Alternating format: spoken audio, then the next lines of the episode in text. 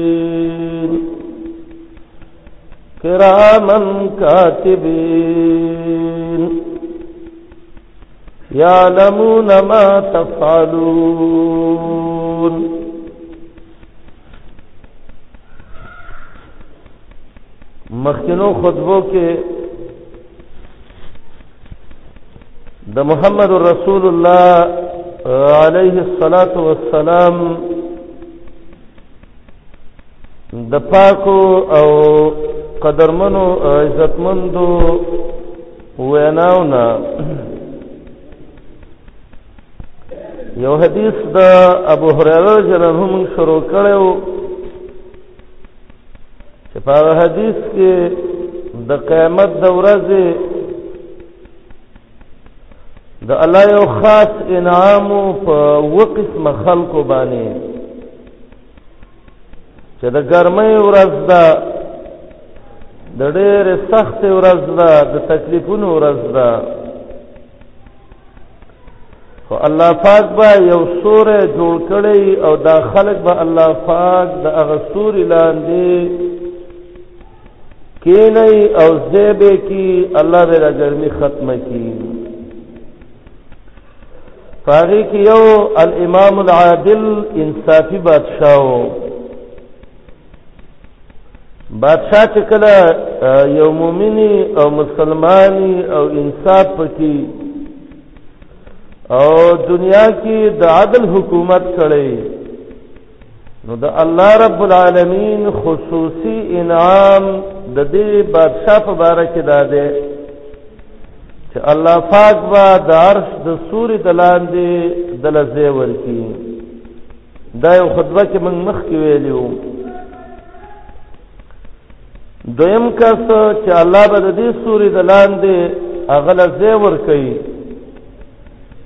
وشاب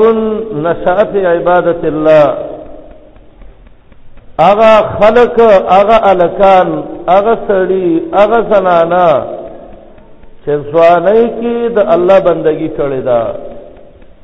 کله چې دوی د ځواني وخت چې دا د انسان د مزو د چرچو ټیم دی او د انسان د گمراه کېدو وخت دی چې شیطان په مهنت کوي او د انسان په ځوانۍ کې خپل رب یې رنک او یاد یې کا نو الله به یو خصوصي انعام د لور کې چې الله به د دې سوري د لاندې کې او دا مې جمعه خطبه کې ویل شوی وو دریم قسم هغه دا دی چې ورجل قلبه معلق بالمسجد یا بالمساجد هغه مؤمن انسان د الله بنده چې دا غزړه د جمعاتونو سره لګېدلې جماعت سره د محبت دی نو د جماعت سره محبت دا دی چې د الله بندګي سره د محبت دی د جماعت سره محبت دا دی چې د الله څخه قدر او مینه ده الله ته ګران دی نو د الله د کورم قدر او عزت ساتي تیر شوی جمعه کې د باندې خطبه وا چې د جماعت سره محبت کوله د جماعت ته کېناستل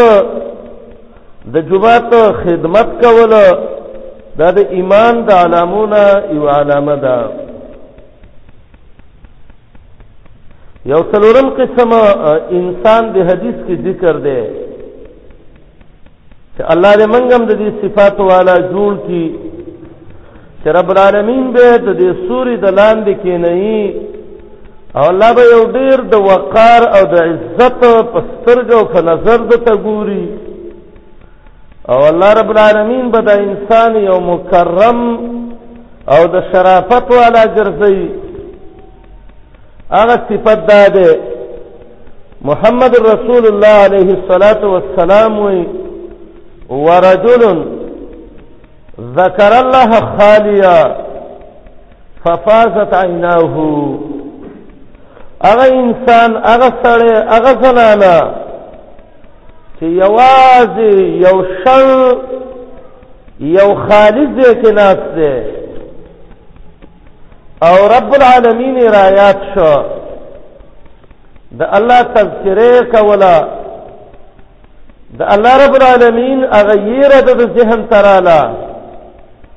د الله غا عذابونه د الله غا مصیبتونه چې د الله په بندگانو کله راولي او دا ټول رایات شو ځان لږه کې دا یاد کو او چرایا د کړه ففاست عیناه استر سترګونه وخت او بيدلی او د الله د يرنه وچړلې نو کوم انسان چې د څه تیمی چې نب کې ریا مقصدی او داسې تیمی نب کې چاته ځان خودل مقصدی او داسې تیمی چې د انسان محض الله رب العالمین سره تعلقي او دې وخت کې دا انسان الله ته وجاړي په دې مخ باندې دا وخ کې راشي دا زړی و درديږي دا الله دې یې نه نو دا الله خصوصي انعام دا دی د دې انسان د پاره چې سبعه یضلهم الله فی ظله یوم لا ظل الا ظله الله رب العالمین به د یو خاص سوري د عرش د سوري د لاندې الله به دې بنده لزه ورکی زمونږ دا یو یو صفت څه ده دا خو موږ تاسو چې په خلیو موږ ته ډیر آسان ښکار کیږي خو والله چې هغه د پارسی متل دی وای زورې دار ډیر زور لري بادشاہ دی هغه دی انصاف کوي الله اکبر ځوان دی او په ځوانۍ کې دی خواهشات شاته وغورځي او د الله محبت دی رامخ کی کی او انسان دی د بازار نه دی راوګرځي د بې پیدې منډو نه دی راوګرځي د بیټکونو د ګپ شپونو نه دی ځان را خلاص کی دا دی وایي چې زه راځه د الله کور کې کینم تلاوت به وکم زبا الله یاد کما زبا د الله بندگی وکما زبا د خپل رب ته سر په سجده پریوزم چې د خپل الله خوشاله کما اسی خبرو نه جوړیږي اسی وخت ولې ضایع کم راځه چې خپل رب خوشاله کما نو دام ډیر ګران کار دی او دا نن خطبه چې زمونږ په کومې خبرې ده نو هغه دا جمله د محمد رسول الله علیه السلام ده ورجل ذکر الله خالیا ففازت عیناه هغه سړی هغه زنانه هغه انسان هغه د الله بنده دا رجل رجل لفظ د سعور کې عام سړو ته ویل کېږي لیکن کتاب او سنت کې چې د څه ځای کې راشي نو دا یو حوارتی غونتی یو لفظ دغه اتفاقی غونتی دی نور دا حکم سړو خزو زنانو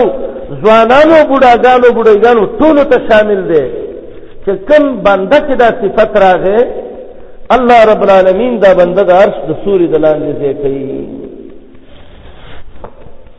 زما ورونو زما د سوچ مناسبه او زما د کمزوري ذهن مناسبه زه چې سوچ کوم والله دا ډېر ګران صفت دی ډېر زیات ګران صفت دی چې یو انسان دی یو خالص دی کې کینی یو ځان نه دی کې کینی او نه دې د دنیا سوچ را مخې ته کوي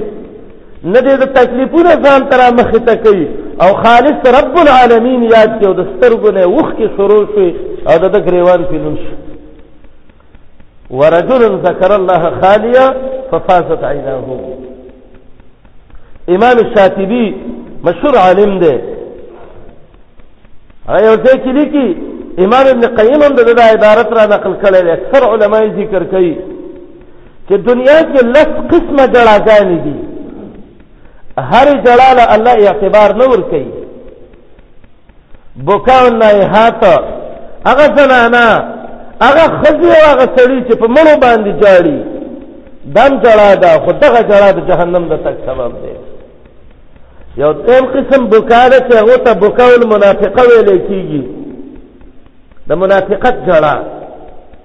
حدیث کې راغلیو منافق د دغه سترګې د په اختیار کې دا د منافقت جړه سورته یوسف کې الله ذکر کړی دا د یعقوب علی السلام بچی دي د یوسف علی السلام ورونه دي اورور راوغست وی وو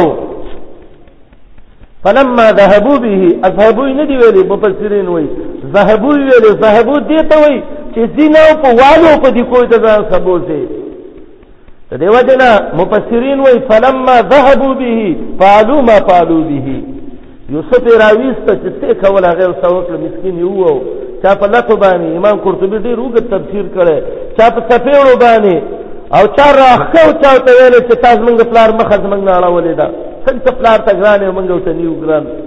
سادهګان وروڼه وو ښه دا یو ورور ولې پلار ته ګران شو دا زه ورته ولې ګران نه شوم اکه بس کمال یې ځکه ورته ګرانېږي څه به کمال ځان کې پیدا شي دویمه فیصله دا وکړه راځئ کېنئ دا یوسف مړ کړو ګناه یې څه ده پلار ته ګران دی یو ویل وجنه یې مه خیر دی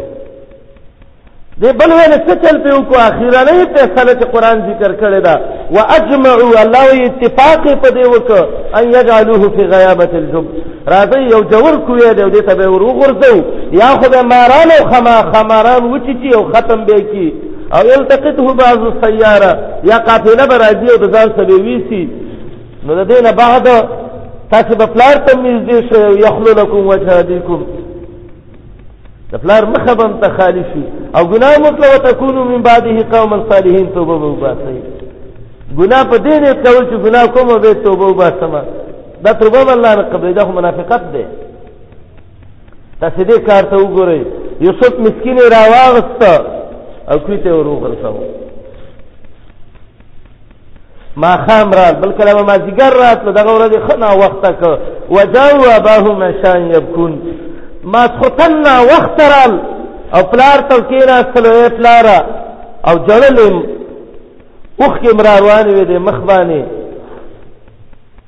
جاری پلار تا او په چغو چغو باندې جاری پلار ته وی ولې بچو وی انا ذهبنا نسبق وتركنا يوسف عند متاعنا پلار منګه لوبي کولې منډې مواله یوسف ته ویل چې تزمن ګران او قدردان روري دې زمن د سامان سکینه چرالو بس پاکه له دې شرم خوړلې پلار ته نه دی ویلي خو دروغجن سړی تاسې ځان دروغجن ښکاره کېږي ورته وایي وما انت بمؤمن الله ته زمونږ یقین نه کې کنه یعقوب علیه السلام له سویل هم نه دي یقین هم را باندې نه کې شیطان چل خې خو د شیطان چل ډېر زیات کمزورې دی کمی سي د یوسف علیه السلام نه ویسته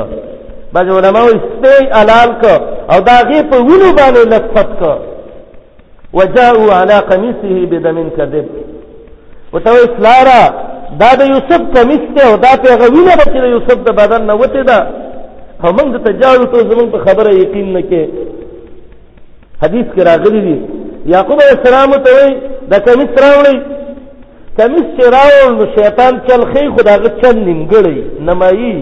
بنده شرمایي شیطان خو انسان خزول کوي شرمایي یعقوب علیہ السلام چې دا کمیس وکته اصحاب السير ذکر کوي یو کلمه د خلې نه وته واجبا لذئب وتنو خیر شر مخده چې دې دا تعلیم په کوم یو نسل کې وکړي چې دونه قابل شو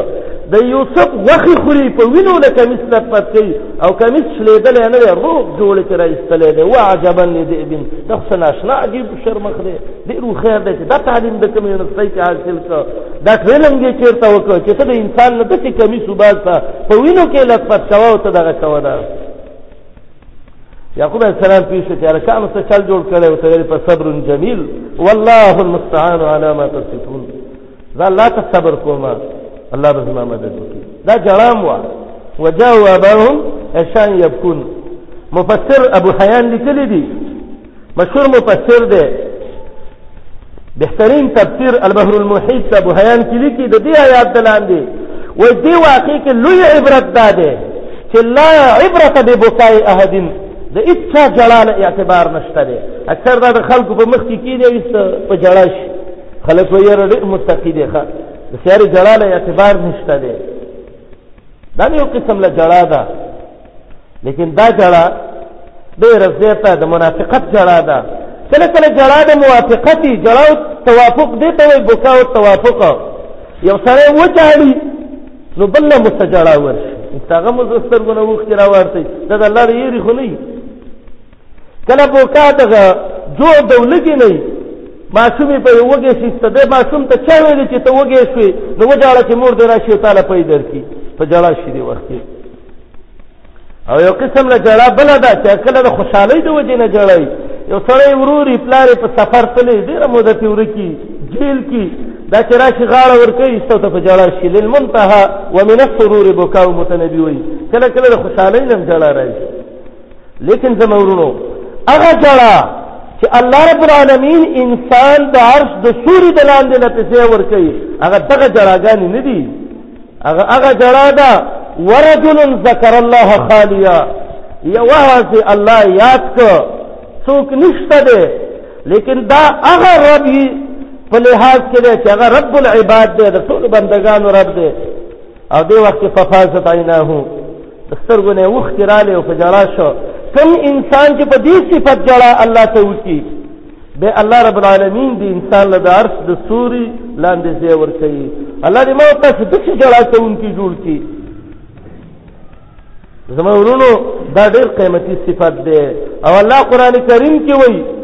فليضحكوا قليلا وليبكوا كثيرا اے د الله بندگانو الله وی اے زما بندگانو خندا کم کوي جړا ډیر کوي او روایت کې راځي ډیر خان دی مو دا ډیره خندا کې رات نبی علیه الصلاۃ والسلام وی تذهب بنور الايمان د دې مخ نه د ایمان هغه نور ختمي نو ډیر خان دی مو تباهي د هغه چا له چې هغه ډېر خندا کوي اشد الناس عذابا قیامت کې بدترین د عذاب والا یو هغه سړی دی د ډېرو زنانه او د ډېرو سړو دا فکر کی چې زه به داسې خبره وکم چې دا خلک به وخندوم او خلک به وایي چې فلانې ډېر خوش طبیعته سړی دی د الله نبي وایي چې دا خلک خندوونکي دا اشد الناس عذابا د څه عذاب والا دي سره پلاني اجرا کې پلاني بیسک کې او پلاني ځای کې یو سړی او خلک خندې عجیب سړی راځي چې ورته وخت به ستیر کو محمد رسول الله علیه السلام وی وای زما رب ویلی دی چې صح عذاب بدترین عذاب چې زور کوم یو دی خلکو له زور کوم چې الله بندگان خندې د الله د بندگانو صفت دا دی چې کله د الله کتاب وته ولستې شي د محمد علی السلام حدیث وته ولستې شي خروا سجدا وبكيا الله ته په سجده پریوځي او الله رب العالمین ته ژاړي دا د مؤمنانو صفت دی الله ته جړا کول په دې مخ باندې وښکې توی کول د الله د یېرې نه زړه درمن کېدل چې هغه زړه دونه یو اثر پیدا کړي چې د دې سترګو نه وښکې راټول شي دا د ایمان علامه ده دا د ایمان نښه ده دا د ایمان شعار دی دا د تقوا علامه ده زما ورونو چې سړی د الله نه ویریږي او د الله د یېرې نه وجاړي زما ذهن کې راځي یو څو حدیثونه د موضوع باندې ویو الله به زمونږ استاد کې الله دې دا صفت من کې پیدا کړي یو ځل زمونږ پیغمبر دی محمد رسول الله علیه الصلاۃ والسلام حدیث صحیح بخاری دی دا هغه شاګرد دی انس بن مالک رضی الله تعالی عنه خادم رسول الله عشرة لس کال د الله د نبی خدمت کړی دی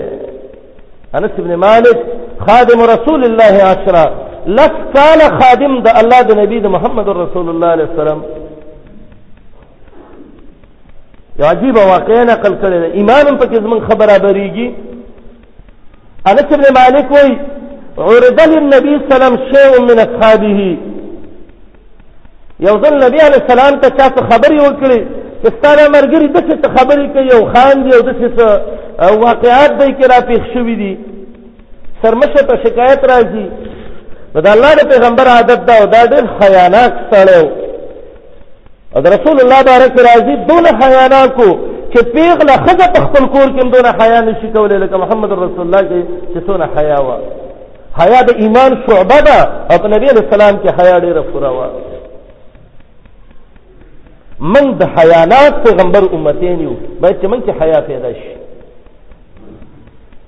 نبی علی السلام بچا ته د سنوي چې پلانې ته ولې د شکه او پلانې ته ولې د شکه راغه منبر تر وخته فحمد الله واثنى عليه بما هو اهله د الله صفات بیان ک او د مرګرو ته وې مرګرو تاسو خپل خندانی ونی وي عرضت علي اليوم الجنه والنار نن ما ته جهنم ور او جنت ما دواړه ویلد فلم ارک اليوم فی الخير والشر مثلا زه چې پیدا شوی ما نو داسې خیر او داسې شر ما نه دی لیدلی لکه نن چې ما څنګه ویلدل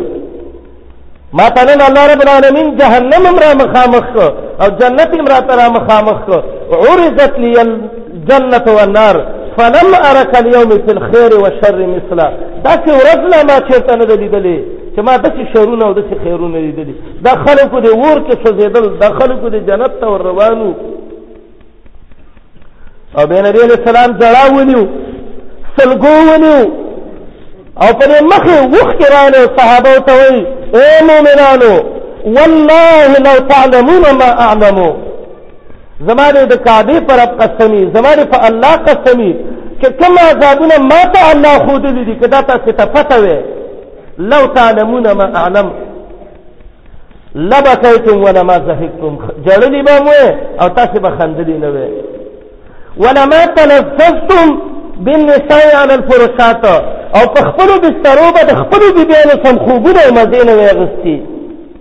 ولخرجتم الى السادات تجأرون الى الله عز وجل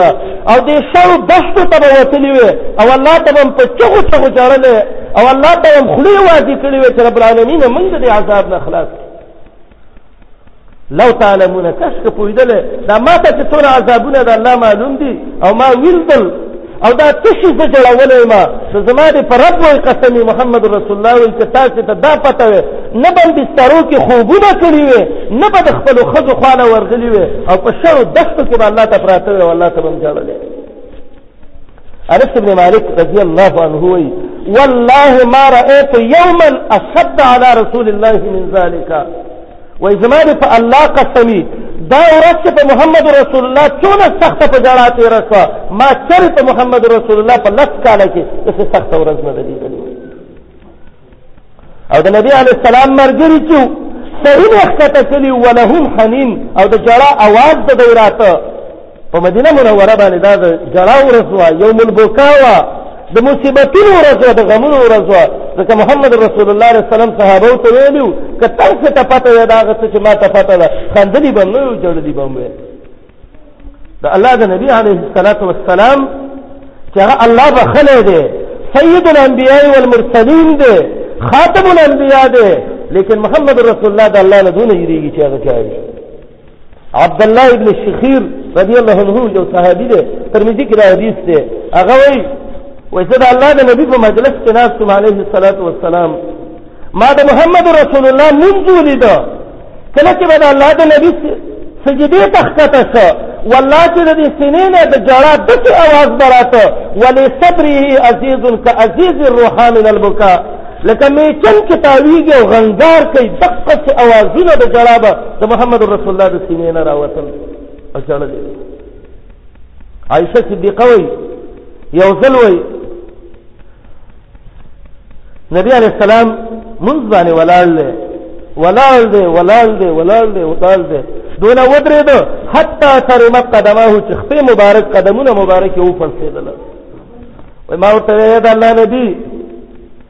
کته خو الله بخنه کړې ده ولې دونه ځان پاته دی وای ما ته چې عائشه تا ته د آخرت پته نشته وي ښا زه د الله شکر گزار جوړېږم قیامت کې مخې ته ډېر سخت را روان دي بیا وای یو شپه وای زما سه نمبرو زما د کمرې نمبر وای وای زه ودکرم ایست محمد رسول الله غلې وته وای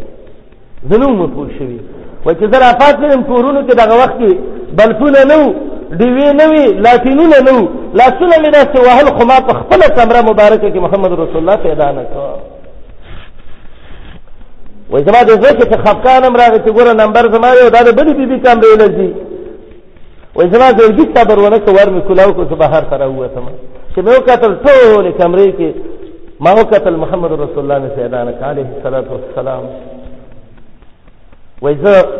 را روان شو شپه ده زنانه چې خاوند ضرور د کمرې نه ورک شي نو هغه به شپې معلومات نیم کې څه شړې سیمه ماخام وده شو ستار پاتې غو بس که دنیا ورانیږي او که نه ورانیږي نه نه حضرت سیمواری ده وای زه د خپل کمرې نه راووتم او چې د کمرې نه ما وکتل مخامخ بقیع الغرقد مقبره ده د محمد رسول الله د کور نه چې راوځي دا مخامخ د بقیع مقبره چې کومه ده وای سپومۍ وا یو نشانه زما د سترګو ته شو اکثر چې رسی څوکي نو دا رڼا کې یو نشانه سترګو ته ورځي وای مال چې امدا محمد رسول الله علیه السلام دی وای زه عالم غلی غلی را روانو مر روانو دې کې د عائشه زړه ورته ته مشاره زړه ولا خزه ولا ابوبکر لور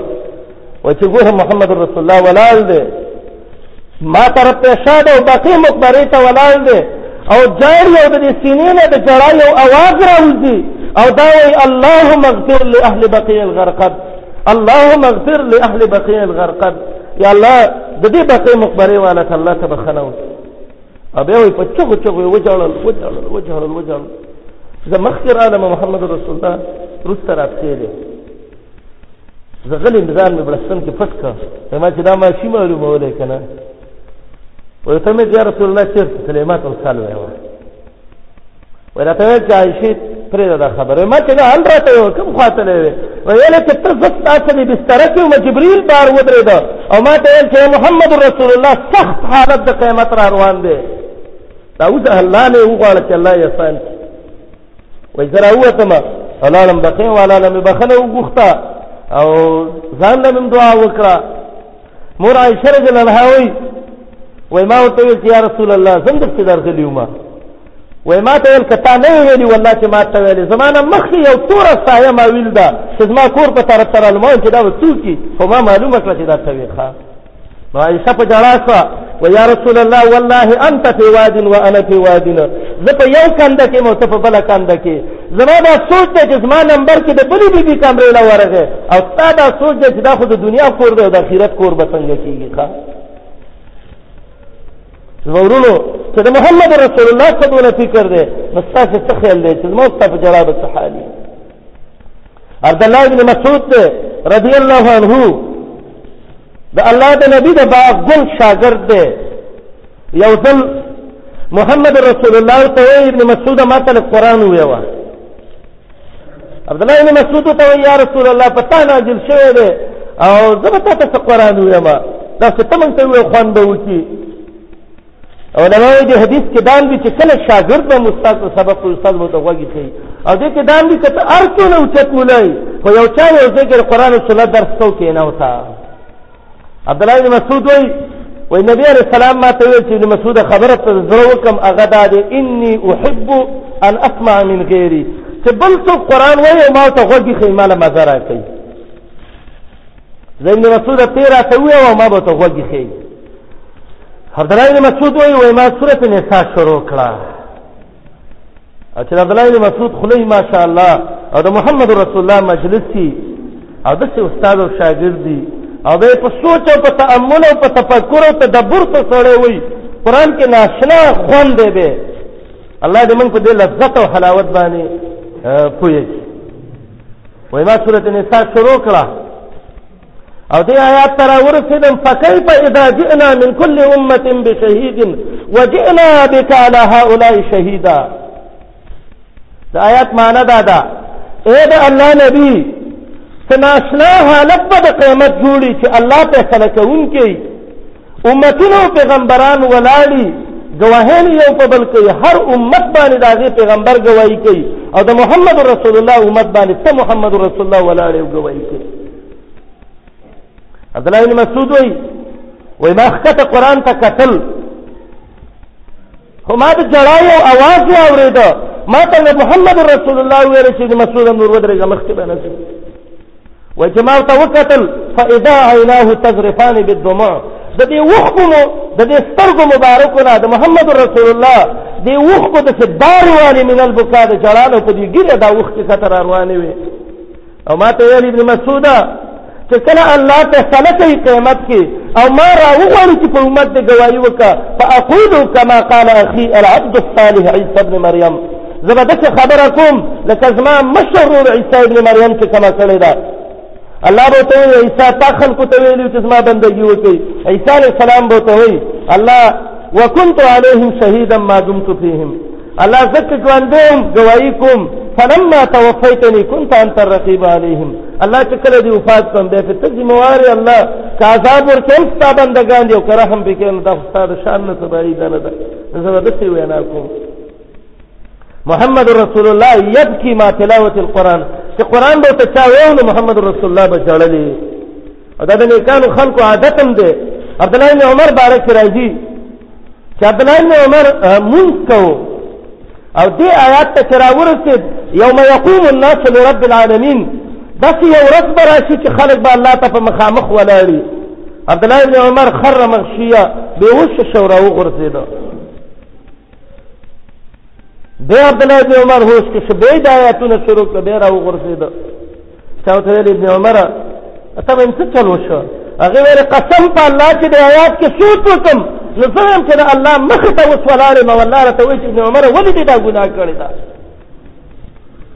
د دې خلکو عبادتونو کې به خون یو کنه به ابي ابن كعب رضی الله عنه دی د محمد رسول الله د قران شاګرد دی ابي ابن كعب رضی الله عنه قران باندې ډېر خپوی د ماشاء الله ابي ابن كعب یو ځل ابي ابن كعب د قران تلاوت کوو او چې کله د قران دی آیاتونو تر ورسېد او اوردو علی ربک صفا دا خلک په صفونه په صفونه الله تعالی شي ابی ابن کعب جړا ونیو بیا ریوت شو چې بیا را ورسېد بیا جړا ونیو ابی ابن کعب بارک راځي دونه وخت یې ونشو چې دا مخکې د آیات باندې واوړي بس هغه ځای کې رکوع وکړه هو زه قران نه مخکې تللی نه شم د الله د یېرې نه جړا چې د الله محبت د چا په زړه کې دا خو ډېر لوی نعمت دی چې رب العالمین یې د چا نصیب کړي الله دې زموږ نصیب کړي ابو بکر صدیق نے رضی اللہ تعالی عنہ عبد الله ابن عمرو ابن العاص وی زه حسن لاستم مجلس د محمد رسول الله علیه السلام دی او زه چې لاستم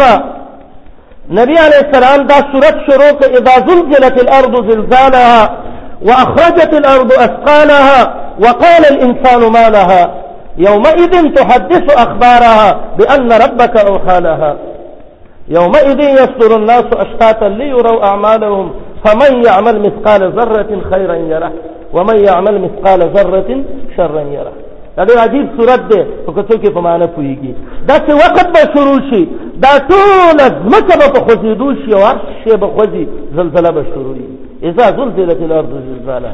او ضرور خبره ده چې زلزله شروع شي کورونه راغورځېږي دا درزا به کېږي او دا بلډینګونه به راغورځېږي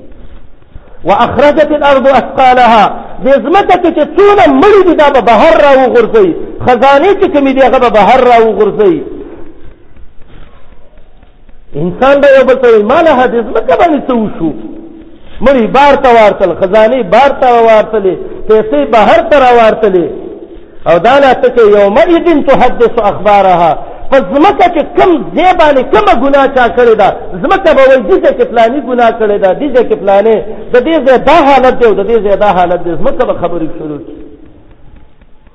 دا زمکه ټول زوره ورسته چې دا د کارونه کوي الله وی به ان ربک او حاله ستا رب ته حکم کړي چې شابه زمکه نن ویوه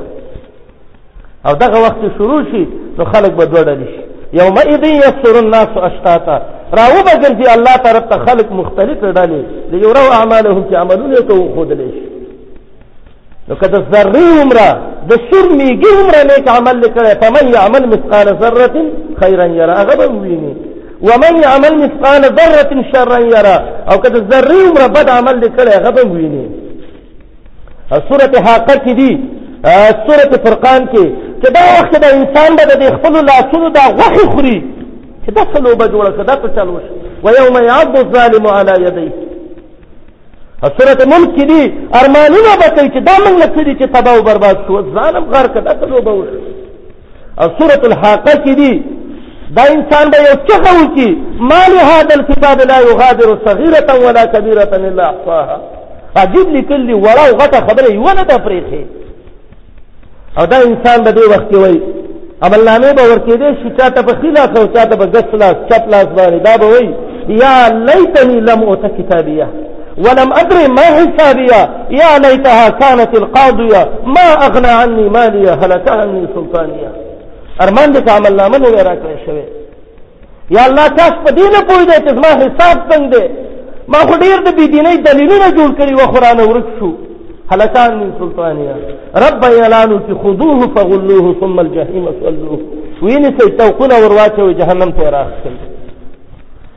دا د یوې ورځ د نورو ډېره د یوې ډېره خطري ورځ ده کوم انسان چې د دې فکر رانغی والله که دا انسان ته بیا د بل شي فکر راشي محمد رسول الله دا صورت ولست او د صورت د ختمېدو ته ابوبکر صدیق په چغو چغو وژړلې بکا بکان شدیده وصاها یو چغه د خلینه وخته په چغو چغو ابوبکر وژړلې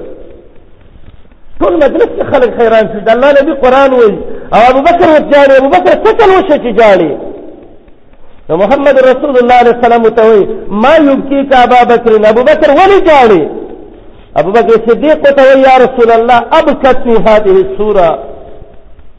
قسم په الله دې سورته زلزال وجړولم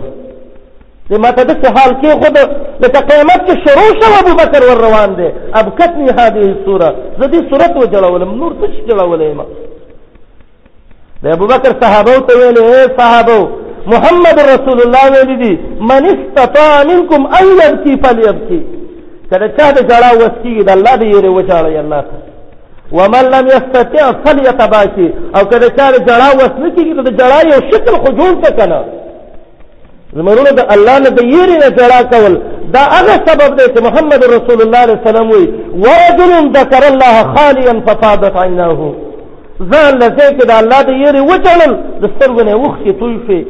الله رب العالمین د څه خلک د عرش د سوري د لاندې کوي زما ستا شپه په خوب تیره شوه ورځم په خندا تیره شوه الله به موږ کله یادو داسې سوچ خو په کار دی که نه د شپې د نیمې شپې پورې ګپ شپ د ورځې د لسو یولس پورې خوبونه او د ورځې ټوله ورځ هاهو جوړ دی الله م یاد نه کړ دین م یاد نه کړ موږ به څه وخت رب العالمین یادو لمثل هذا فلیعمل العاملون داسې ورځې د عمل په کار دی دا الله د یری نه جړه اسلام کې ډیر اوچت حیثیت لري عبد الله ابن عباس ته رضی الله عنهما د قران مفسر ابن عم محمد صلی الله علیه وسلم د الله د نبی د کاکا بچی دی عبد الله ابن عباس وایي محمد رسول الله علیه السلام ویلي دي عینان لا تمسهما النار دو قسم سترګې دي چې د جهنم ور په دی باندې حرام دی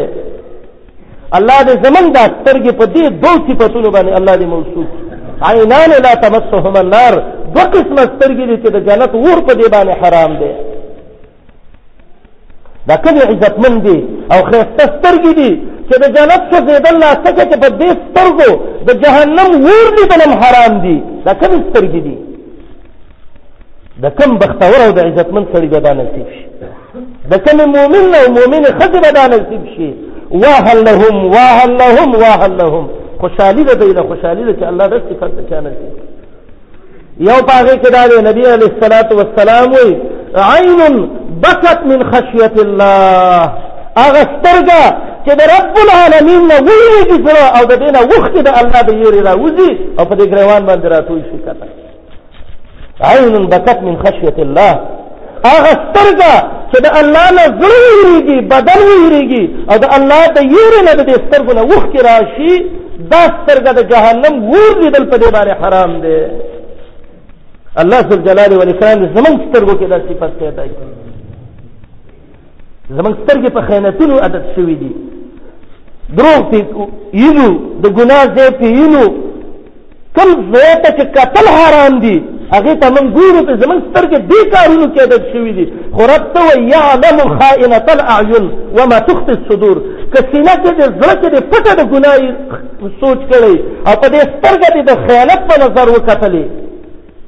نو الله څه کوي عبد الله بن عباس ته د چا تاسو وکړه خیانتګر سترګه کومه ده عبد الله بن عباس عجیب تفسیر وکړ وای دا هغه جنې ولک دی چې د جنې په مخ باندې حجاب او برقه پرته ده او دا وایي چې ما خونی نه ولر باندې څوک پویږي او د سترګو په ګوتونو پر دې سړی ته وګوري او هغه الک چې دا مجلس کې د څه ګوري چې ما ته څوک ګوري خو نه پر دې مؤمن خدای ته وګوري دغه سترګې خیانتګره باندې رب پوهېږي نو چې پلار به چې ته وایي چې زه به تا پوه شم زه به ته ګورم چې څه به ورته کوي نو چې الله وایي چې دا خیانتګره سترګه زه پېژنم معنا دا به په سیخانو ته راوباسم او جهنم ته به یې ښکته وروغورځوم یعلم خاینة العیون سترګې د خیانت نه بس کول پکار دي د الله په عبادت او په جړا کې مصروف کول پکار دي او دویم محمد رسول الله علیه السلام وی وعین باتت تحرس فی سبیل الله عز وجل اغه سترګه چې خوب پرې خېده مجاهدینو ته پیره کوي څوکۍ وته کوي ولاړ دی د مؤمنانو سنګر ساتي دې سترګې باندې رب العالمین د جهنم ور حرام کړی دی لیدلی یم قدر نشي عینان لا تمسهم النار د بخاری حدیث دی عین بکت من خشیت الله وعین باتت تحرس فی سبیل الله الله دې زموږ سترګې په دې صفاتونو باندې موصوف کړي ابو هريره جل عنه دا الله د نبی خصوصي شاګرد چې ډېر حدیثونه هم پرې نقل دي سره پاسه پنځه زره حدیثه ابو هريره درې کاله کې د محمد رسول الله نه یاد کړي دي ابو هريره رضی الله عنه وایي یو ځل نبی علیه السلام ناس او مجلس کې او دا کلمات ما واورید لا یلج النار من بکا من خشیت الله حتى يعود اللبن في الدرع هغه څوک چې د الله د یری نه جوړلی دا الله جهنم ته نه واپس کوي تر دې چې د هغه مال د غوا د غلام نه چې کم پي راوتی دي لکه څنګه چې دا پي بیرته نن نوځي د مال غلام دي ته نو دغه شان دا سړی جهنم ته نه ځي لا يلج النار من بكى من خشية الله حتى يعود اللبن في الذرع او د محمد رسول الله عليه والصلاه والسلام وی ولا يتلو غبار في سبيل الله ودخان نار جهنم هغه سترګې د مجاهدینو چې د سنگر په جهاد کې او د جهاد په صف کې هغه ګرد غبار لګېدلې ده د جهنم د لوګي ته الله نه جمع کوي ور اله سکے الله رب العالمین دې زمون سترګې خي عادت کې دسه ابو امامه رضی الله عنه جلیل القدر صحابي دی هغه وایي نبی علیه السلام ویلي لیس شیء احب الی الله من قطرتین و اثرین دو څاڅکي دي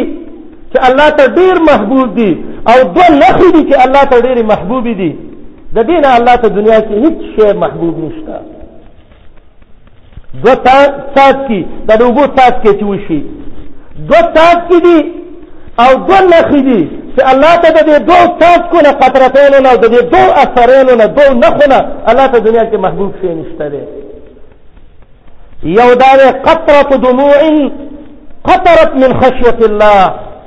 هغه څاڅ کې د وخ کې چې د الله د یری نه د سترګې نه ښکته دی دلې د وخ کې سترګې وبې ولې دا الله ته ډېر محبوب دی وقطره دم تحراق في سبيل الله او هغه وینا چې مجاهد زخمی شو او داغه د بدن نه غوینه وبېدله یا شهید شو او دغه اولنی ساعت کې الله ته ګناهونه معاف کړي د دغه وینې د ساعت کې نه بل ساعت کې الله ته محبوب نشته دا دو څاڅکي د اوښکو او دا یو څاڅکی د شهید د وینې دا الله ته ډېر محبوب دی چې الله ته سړی دا دوه صفتونه پکې پیدا کړي واما الاثرین هغه دوه نښې چې دي نو یو په هغې کې هغه نښه ده فاثر فی سبیل الله د الله په لار کې سړی زخمی شي او دویم پاغي کې هغه اثر او نخه ده چې هغه په فریضه من فرائض الله دا الله یو حکم ادا کوي او پاغي کې په دغه باندې نخه او څه مشکل وتراغه الله ته دا ډیر محبوب دي زمونږ سوچ کول غواړي په دې باندې چې نن ورځ کې من وخندل ډیر او که من وجړل ډیر سوچ کول غواړي نن ورځ کې من د اخرت فکر ډیر وکړ او که اخرت نن د ګناه پیټه ډیر زیات جمع کړ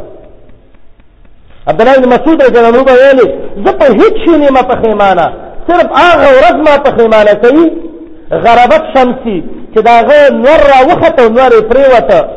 فنقص اجلی زما عمر کې یو ورځ کم شو ولم یزد فيه عملی عمل مې کې زیات نشو مشهور تابعی دی عمر ابن عبد العزيز رحمه الله د دې امت یو ډېر نیک عالم دی صحابه په چیرست دا ډېر نیک سره راغلی و عمر ابن عبد العزيز بارک راضي د علماء را جمع کړ د عادت دا هم خام کې به ته ویل راځي موږ د اخرت باسو وکړو لګا وای عمر ابن عبد العزيز د بچې دا بحث د علماو شروع که دونه به وجړل من به ویل چې د دوی مخې ته شل او دېرش جنازې پرتې دي خبر څه به وجړل یو عالم وایي چې د عمر بن عبدالعزیز ته ناستم د نیمې شپې پورې عمر بن عبدالعزیز جړلې جړلې جړلې حتی رحمناه و ترکناه من ته رحم وکم دې مسكين باندې اوس رحم پکار دي استته من غلاړو عمر بن عبدالعزیز د الله دې نه جړلې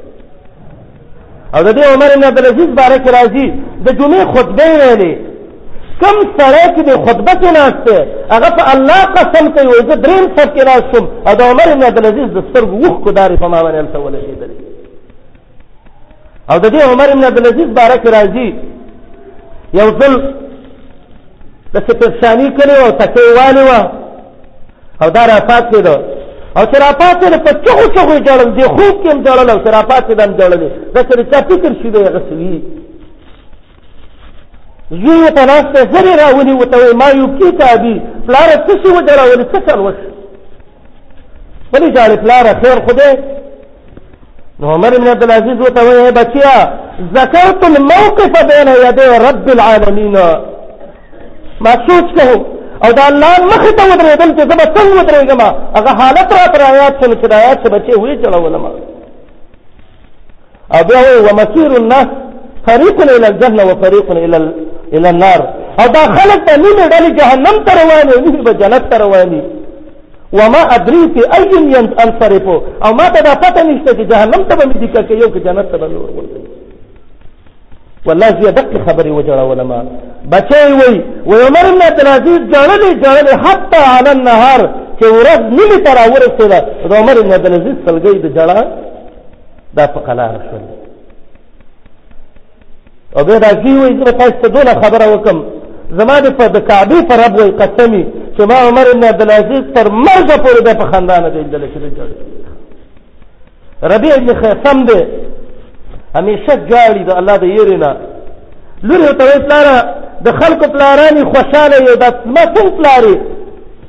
دائما وراك حزين همیشه غمجنې و دائما وراك باقي همیشه جاړي او همیشه د پدې ګریوان باندې دا وخت را روان دي پلار ما خو د پلار محبت تاسو وینل ده پلار که د شپې خلکو د کېږي هم ته ولاړې دا څه چل دی نو دغه ته وای دا ربيع ابن خيثم ته وای بنيتي كيف ينام من يخاف البيات زما بچي هغه پلار به څنګه خوب وکړي چې هغه د دې نه یریږي چې د الله قهر او عذاب د شپې رانه شي تا پلار بچي د الله د شپې د عذاب نه یریږي ځکه دغه کی او د جنکو د پلارانو سره دا سوچونه نه تا د پلار څه دا سوچ دی ښځې وایي وایي دې ربي ابن خیسم به ما څه دونه دوکه کله وکړه یو بستره کې به زما خوا ته پرېوته چې پوه به شو چې دا اوده شوه غلی به د بړستنې نه ووته او دس به وکړو عبادت ته به ولاړو ژړلې دی داسې ځوانان داسې بوډاګان داسې خلک په کار دي نو چې داسې کار څوک وکړي ته به یې ګوره چې ورجل ذکر الله خالیا ففاضت عیناه دی الله د عرش سوري دا څه نه لسی یو یو ځل وخت ته کو زه وې چې لکه ما خو غره فلاني تاریخ باندې ځان سره ډایری کې ولې کې او په فلاني ورځ باندې ما چټي و ناس مو جړلې مې دي چې ته فلانو نکه باندې ته یاد شي جړلې به څه یاد کا رجل ذکر الله چې الله ته یاد شي او باځي نسی د خلکو مخ کې پړین په جړا شي نه دا جړا ما د ابو حیان قول مخ کې یو د یوسف علی السلام د واقعې نه وروسته هیڅ چا شغل او جړا له اعتبار نشته هغه هغه جړا ده چې د الله د یېرې نه وي الله رب العالمین دې موږ تاسو صحیح د الله نه یېره جوړې دن کې وګو جوړ کې چې موږ زړه کې د الله یېره راشي خوف ایمان ته ضروري شی دی نو محمد رسول الله صلی الله علیه وسلم ویلو د عرش د سوري د لاندې الله به وقسمه خلق دی کی دا وګدا موضوع ده علماء دې باندې کتابونه لیکلي البکائین دینم باندې کتابونه دي کتاب البکا په دینم باندې دي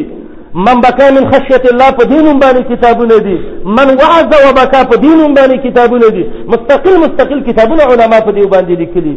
او بعضې علماو قرآن کې دا آیاتونه را جمع کړي دي بعضې او هغې له نوم یې کړی مبکات العابدین هغه آیاتونه چې هغه د عبادت کوونکي خلک جوړوي نسأل الله أن يوفقنا للبكاء من خشية الله الله دې موږ له داسې توفیق راکړي د الله د یېرې نه وژاړو سره چې ته مور د چا په سره راوړي سفر ته سره په جړل شي عمر ګری یو ډیر متقی دی ښا یا ته پیسې ورکی شوی یا ته بل څه شي شوی نه هغه جړه معتبره ده چې ځان له ځکه د الله د یری نه وي الله دې موږ دې صفاتونه ولا جوړ کړي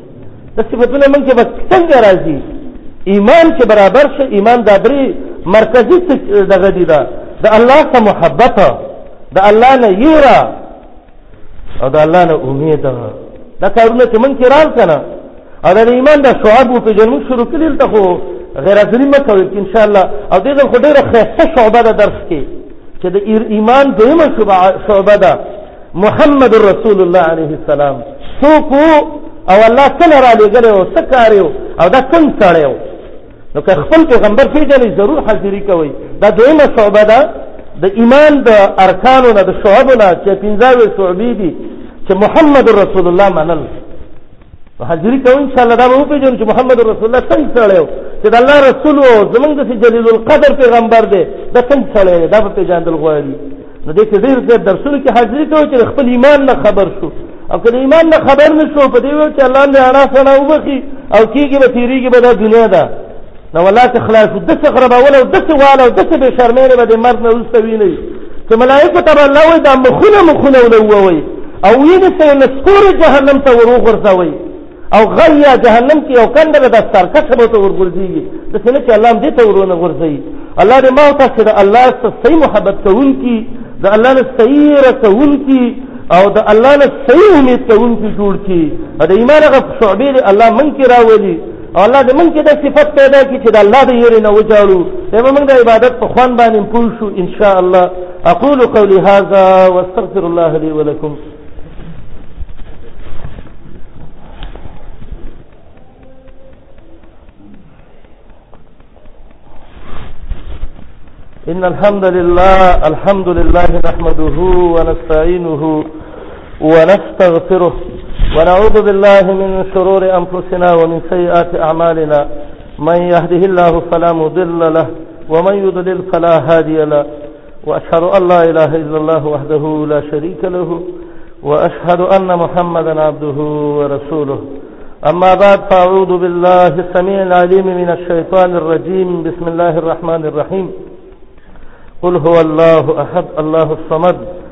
لم یلد ولم یولد ولم یکن له کفوا احد دا مرګري یو چټ دی چې تیر شوی خطبه کې تاسو ویلو چې حج او عمره کې ډېر ثواب دي کې شک نشته خو سوال دا دی چې حلال پیسې کې شرط دی او کنه دی ما د یحیی ابن معاذ قول ویلو چې حرام باندې سره د عبادتونه کوي د سیدل چې مرداره کفله چې په بول باندې بلکې دا علماوی ته په حرام مال کې د ثواب دغه وک نیت وک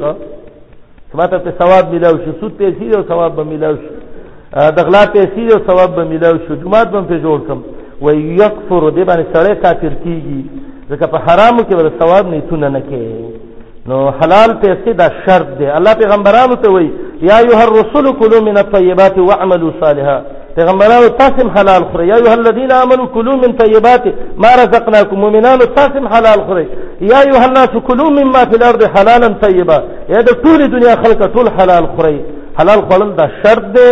کم بدن کې د صاد ابن ابي وقاص روایت دی یو نړۍ د حرام وي الله رب العالمین سولې خورځ مون قبل ان مون قبل حج قبول شي د حلالو ډېر خیال وساتئ ورع چې ورته ویل کېږي او عبدالله بن عمر رضی الله عنه ویلي وایي ستاسې بهترین عبادت چې دی که نه او بهترینه تقوا هغه حلال خوړل دي او نن چې خلک د هغې نه غافله شوي دي الله دې موږ د حرام خورګۍ نه وساتي او الله دې زموږ په حلالو پیسو باندې د حلالو عبادتونو توفیق راکړي سو صفوفکم رحمکم الله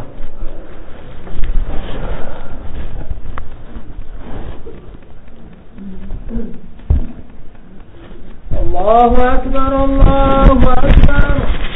أشهد أن لا إله إلا الله أشهد أن محمدا رسول الله